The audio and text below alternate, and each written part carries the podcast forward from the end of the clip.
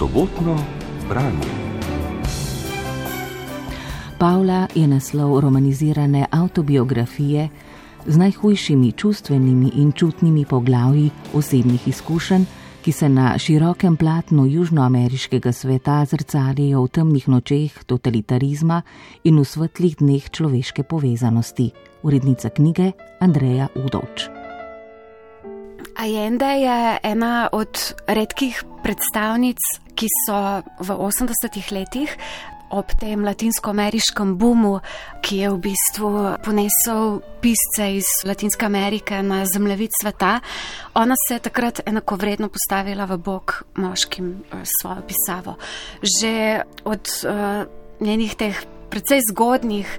Let, kar se tiče karijere, je bilo vse čas rečeno, da se bo morala desetkrat ali pa stokrat ali pa tisočkrat toliko potruditi in dokazovati v tem moškem svetu, če bo prijela za pero, vendar je bil očitno ta klic po izražanju, ki kasneje preraste v to zelo močen občutek poklicanosti za literaturo, je bil očitno tako močan, da ona je v bistvu zmagovalka na. Celi črti, če lahko tako rečem.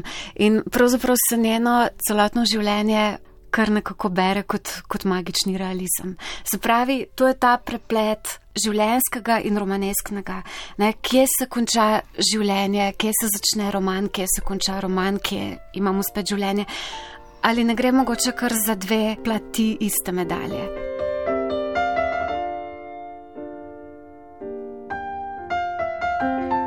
Vse osebe iz tvojih sanj so ti, mi je pojasnila. Ti si dvanajstletna punčka, ki še vedno lahko prosto leta. Pri tisti starosti je bilo konec tvoje nedolžnosti, nekdanja deklica je umrla, spila si napoj smrti, ki ga prej ali slej spijemo vse ženske. Si opazila, da nam v puberteti zmanjka tiste energije Amazonk, ki nam je bila položena v zipko, in postanemo kastrirana bitja, polna dvomov. Tudi ženska ujeta v silos si ti, ujetnica omejitev odraslega življenja. Ženskost je nesreča, otrok, tako je, kot bi imela na gležnje privezane kamne, ne moreš vzleteti. Isabela Jenda se je rodila v zelo patriarhalnem okolju, ampak hkrati bi rekla, da obdana z močjo žensk. Mogoče neko tako pradavno silo, ki jo je zelo čutiti tudi v njenem pisanju, to zaupanje, že zelo močna vera, da so ženske tiste, ki imajo moč spremenjati svet, da je treba prisluhniti ženski energiji, ženski naravi. Pa ne gre za banalizacijo pač te energije ali kakorkoli, ampak za zelo močno življensko držo. Zdaj, če si mal predstavljamo ta kontekst, Isabel je bila rojena v Čilu leta 1942, materi s tremi otroki. Isabel pravi, kako je zgodba njene matere tudi pravi roman, ki pa je ga mama prepovedala napisati, dokler ne bo 50 let mrtva, tako malo duhovito. Ne? Se pravi, ta mama je ostala sama s tremi otroki po eni taki spodleteli ljubezenski pustolovščini, ki se je potem razvila v zakon. Ampak je ta mož odšel, torej mož, ki je bil uh, sorodnik uh, Salvadorja. Salvadorja Allendeja, se pravi, Isabela Allende je njegova nečakinja. Ampak je mati potem našla ljubezen romanco druge. Isabela Jenda je torej hčerka odsotnega očeta, mama se je pa potem morala vrniti v svojo matično družino, s tremi otroki bila je odvisna ne? in Isabela Jenda je to vse čas opazovala kot otroških let, kot majhna deklica in uh, Sveda si je postavljala vprašanje, bi se moja mati vrnila, če bi imela možnost neodvisnosti, tudi ekonomske neodvisnosti, ki je zelo pomembna. Isabel Allende v, v svojih intervjujih počrta, da je to prva stvar, pa seveda pač duhovni element ne? Ali pa čustveni element za žensko neodvisnost.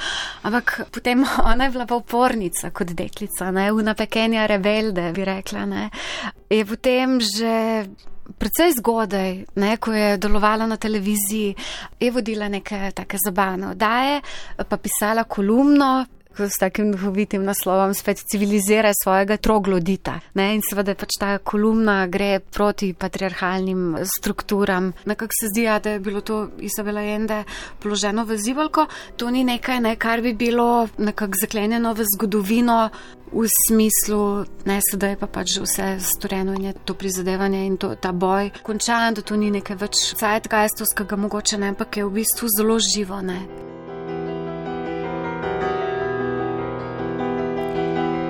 Danes smo Pavlo posedli v voziček, ji podprli hrbet z blazinami in jo odpeljali na sprehod po parku klinike.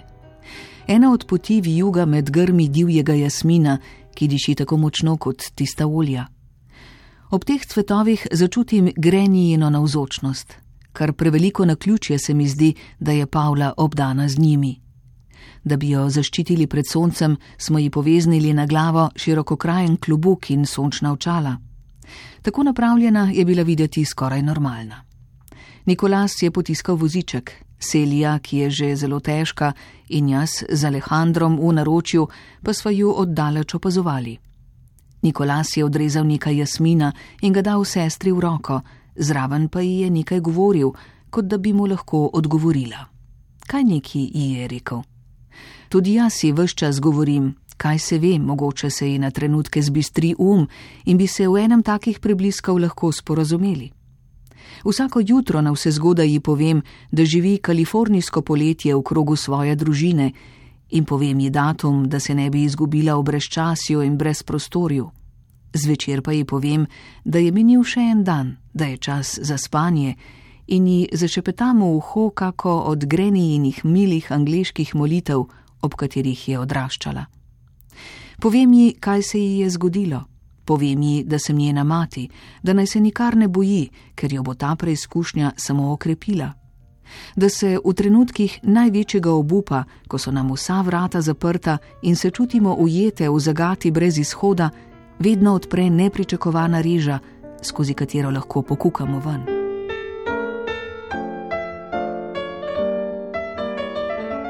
Res ta rdeča nit, ki pele roman, je zgodba zelo osebna, zelo intimna, pretresljiva, presunljiva, hčerine bolezni.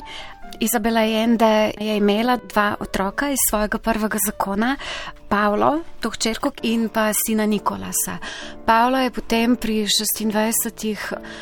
Zbolela za porfirijo, to gre za tako gensko bolezen. In potem se je Izabel je en, da je zgodilo tisti največji strah vsake matere, da se soočiš s to najprej negibnostjo svojega otroka, um, ker je hčerka je padla v komo in se potem eno leto ni zbudila iz nje potem tudi pač po sicer intenzivnem zdravljanju, vseh mogočih prizadevanjih, bi samo od začetka zdravljena v Španiji, pa potem premestitvi v Kalifornijo, ki je potem po izgnanstvu izčila, postala novi dom Isabela Jende. Vsi ti manevri prizadevanja na so moč, pa vendarle na neki točki nemoč pred usodo, pa hkrati njeno sprejemanje in iskanje potem novega načina soobstoja s hčerko.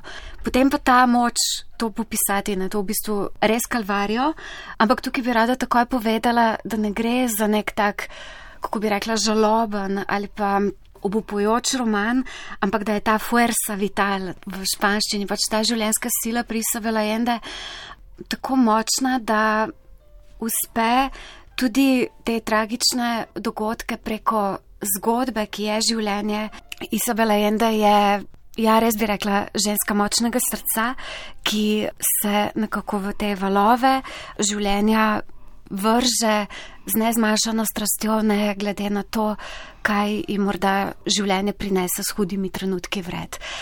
Isabela Jenda se je trikrat poročila, ona je strastna iskalka ljubezni, tudi potem že v jeseni življenja, Mm, ampak tako, kot da, kot da ta obdobja v bistvu v resnici ne obstajajo za njo, mislim. In tudi ne, zakaj bi nas v bistvu kaj omejevalo, sploh pa taka postranska stvar, kot so leta. Ja, je imela od uh, zakonskega življenja do burnih ljubezenskih zvez, uh, ljubimci in tako naprej. Ampak v bistvu, kot da je njena ta zares globoka ljubezen, pa mogoče najgloblja, pravzaprav ljubezen do hčerke. V merilu kozmosa in zgodovine smo nepomembni, Po naši smrti vse teče naprej enako, kot da nas nikoli ni bilo. Ampak v merilu naše opoteče človeškosti mi ti, Pavla, pomeniš več kot lastno življenje in kot skoraj vsa tuja življenja skupaj. Vsako leto umre 70 milijonov ljudi, še več pa se jih rodi, ampak zame si se rodila samo ti, samo ti lahko umreš. Tvoja stara mama moli zate k svojemu krščanskemu bogu, jaz pa včasih k smehljajoči se poganski boginji, ki razdaja blagre, ki ne pozna kazni, temveč odpuščanje, in jo nagovarjam v upanju, da me bo izza vseh časov slišala in ti pomagala. Ne babica, ne jaz nimava odgovora, izgubljeni smo v tem prepadnem molku. Mislim na svojo prababico, na svojo jasnovidno babico, na mamo, nate in na vnukinjo, ki se mi bo rodila Maja, na trdno verigo ženskosti, ki seže nazaj do prve ženske, vse človeške matere. Te hranilne moči moram upreči, da te rešim.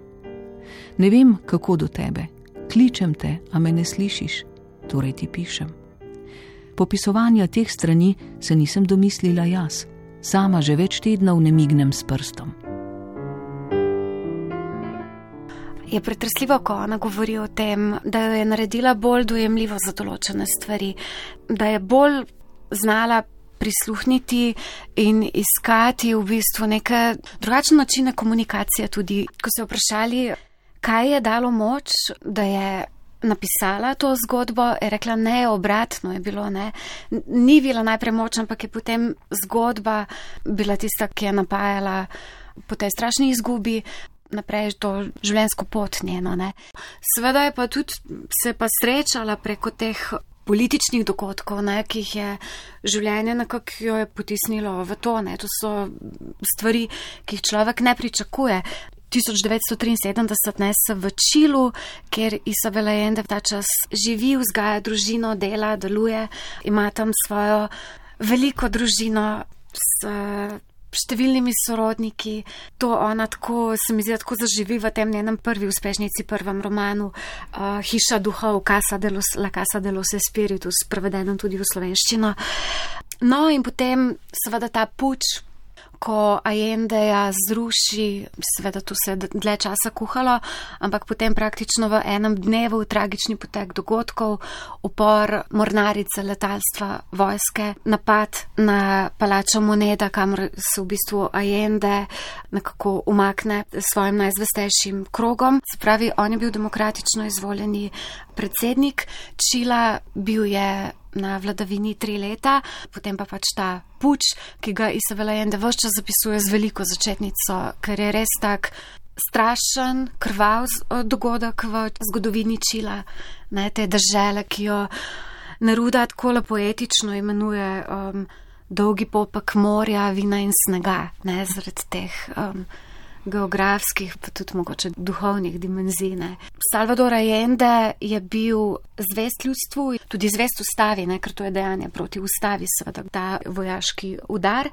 En radijski nagovor je v knjigi tak močan, preden je odšel v prostovoljno smrt, ker si je sodil san, nagovori ljudstvo, da sedaj oblast nasilno poskuša vzeti seveda tisto, kar pripada ljudstvu, ampak da bodo prišli drugi, tudi diktatura mu je z Augustom Pinochetom, ne, ki potem zavlada eh, Čilu, strahovlado. Ajendoju je ponujeno, da odide s svojo družino v izgnanstvo, ampak seveda on je potem rekel, ne, um, ne boste se me pač tako znebili vi, izdajalci ljudstva, ne, seveda pač bi iz tega naredili iz njega eno tako šipko figuro, ne, v bistvu. Medtem ko Pablo Nerudi so pa ponudili eksil, ker on je pesnik Nobelovec, ampak je on rekel, da ne more zapustiti svojega naroda v teh tako ključnih trenutkih zgodovine, ampak potem on umre po puču gastre in potem Isabela Jende v romanu opisuje ta pogreb, na katerega ona gre s svojimi sodelovkami, nosi rdeče nageljne, tako zelo čustveno, tako kot piše Isabel, da ji reče nek udeleženec pogreba, nek starec, da tisti, ki počivajo v brezimnih grobovih, um, ne najdejo miru, ne mrtvi.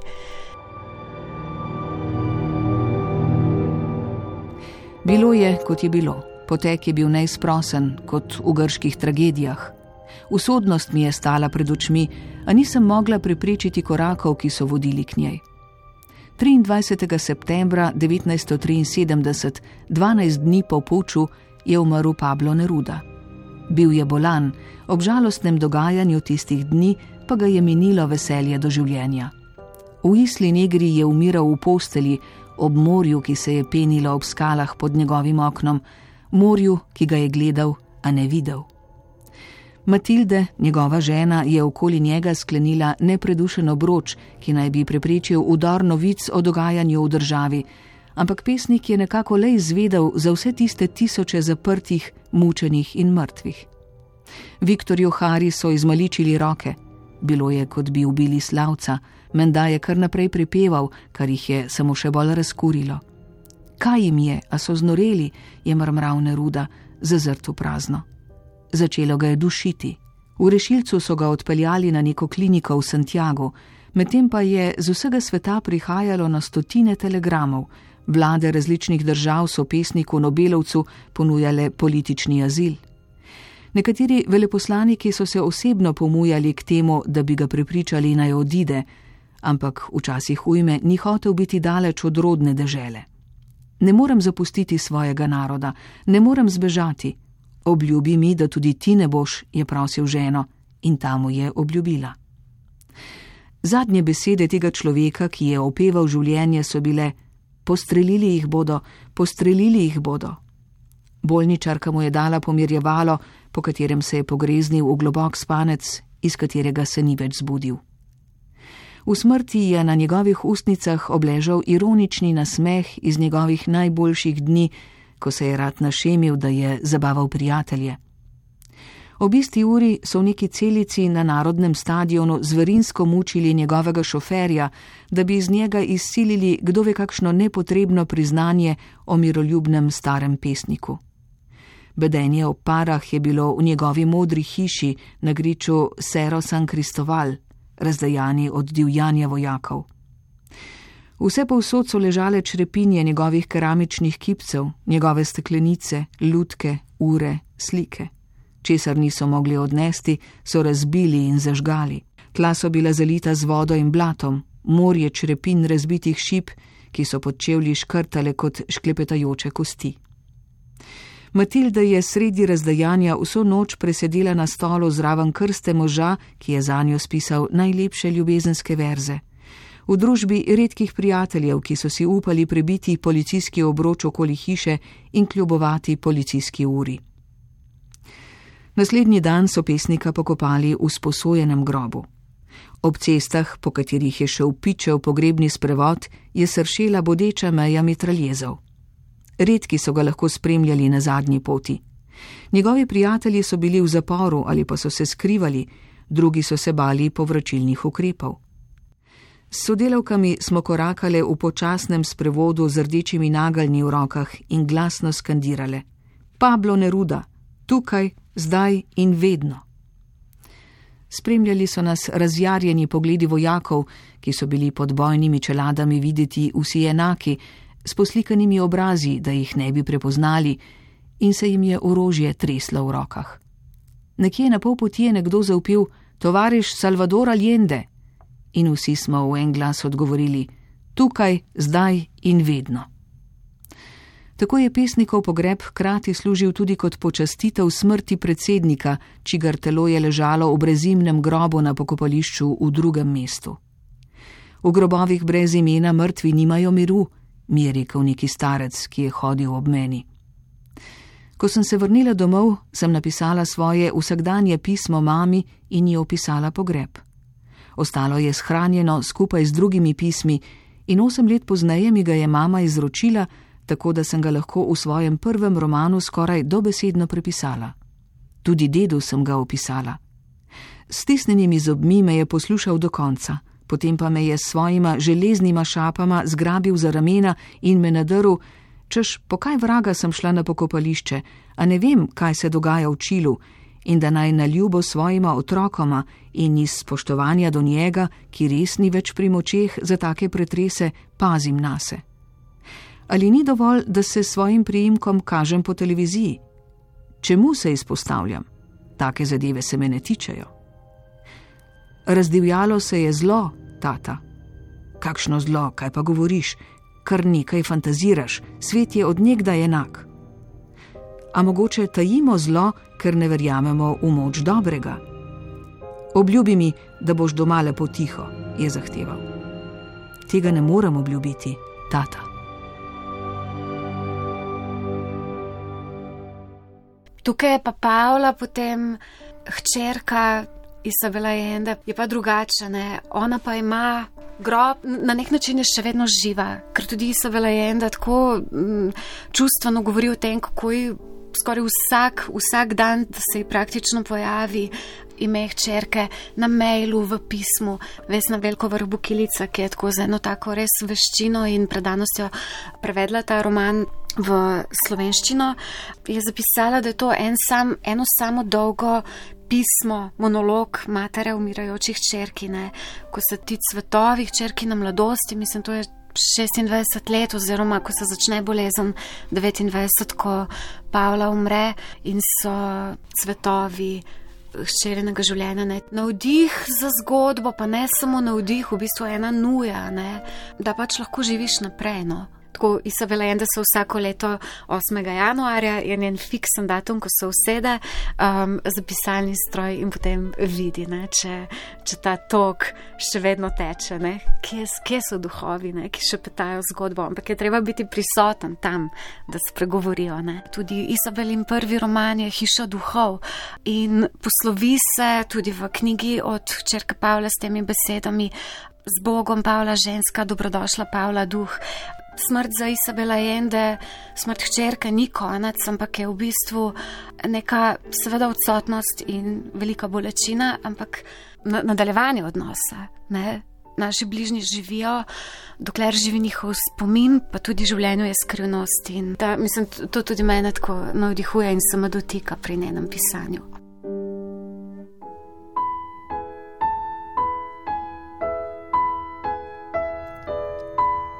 Zavedno. Kaj to pomeni, Pavla? V tej beli stavbi, kjer vlada odmev in se nikoli ne znoči, sem izgubila občutek za čas. Meje resničnosti so zabrisane.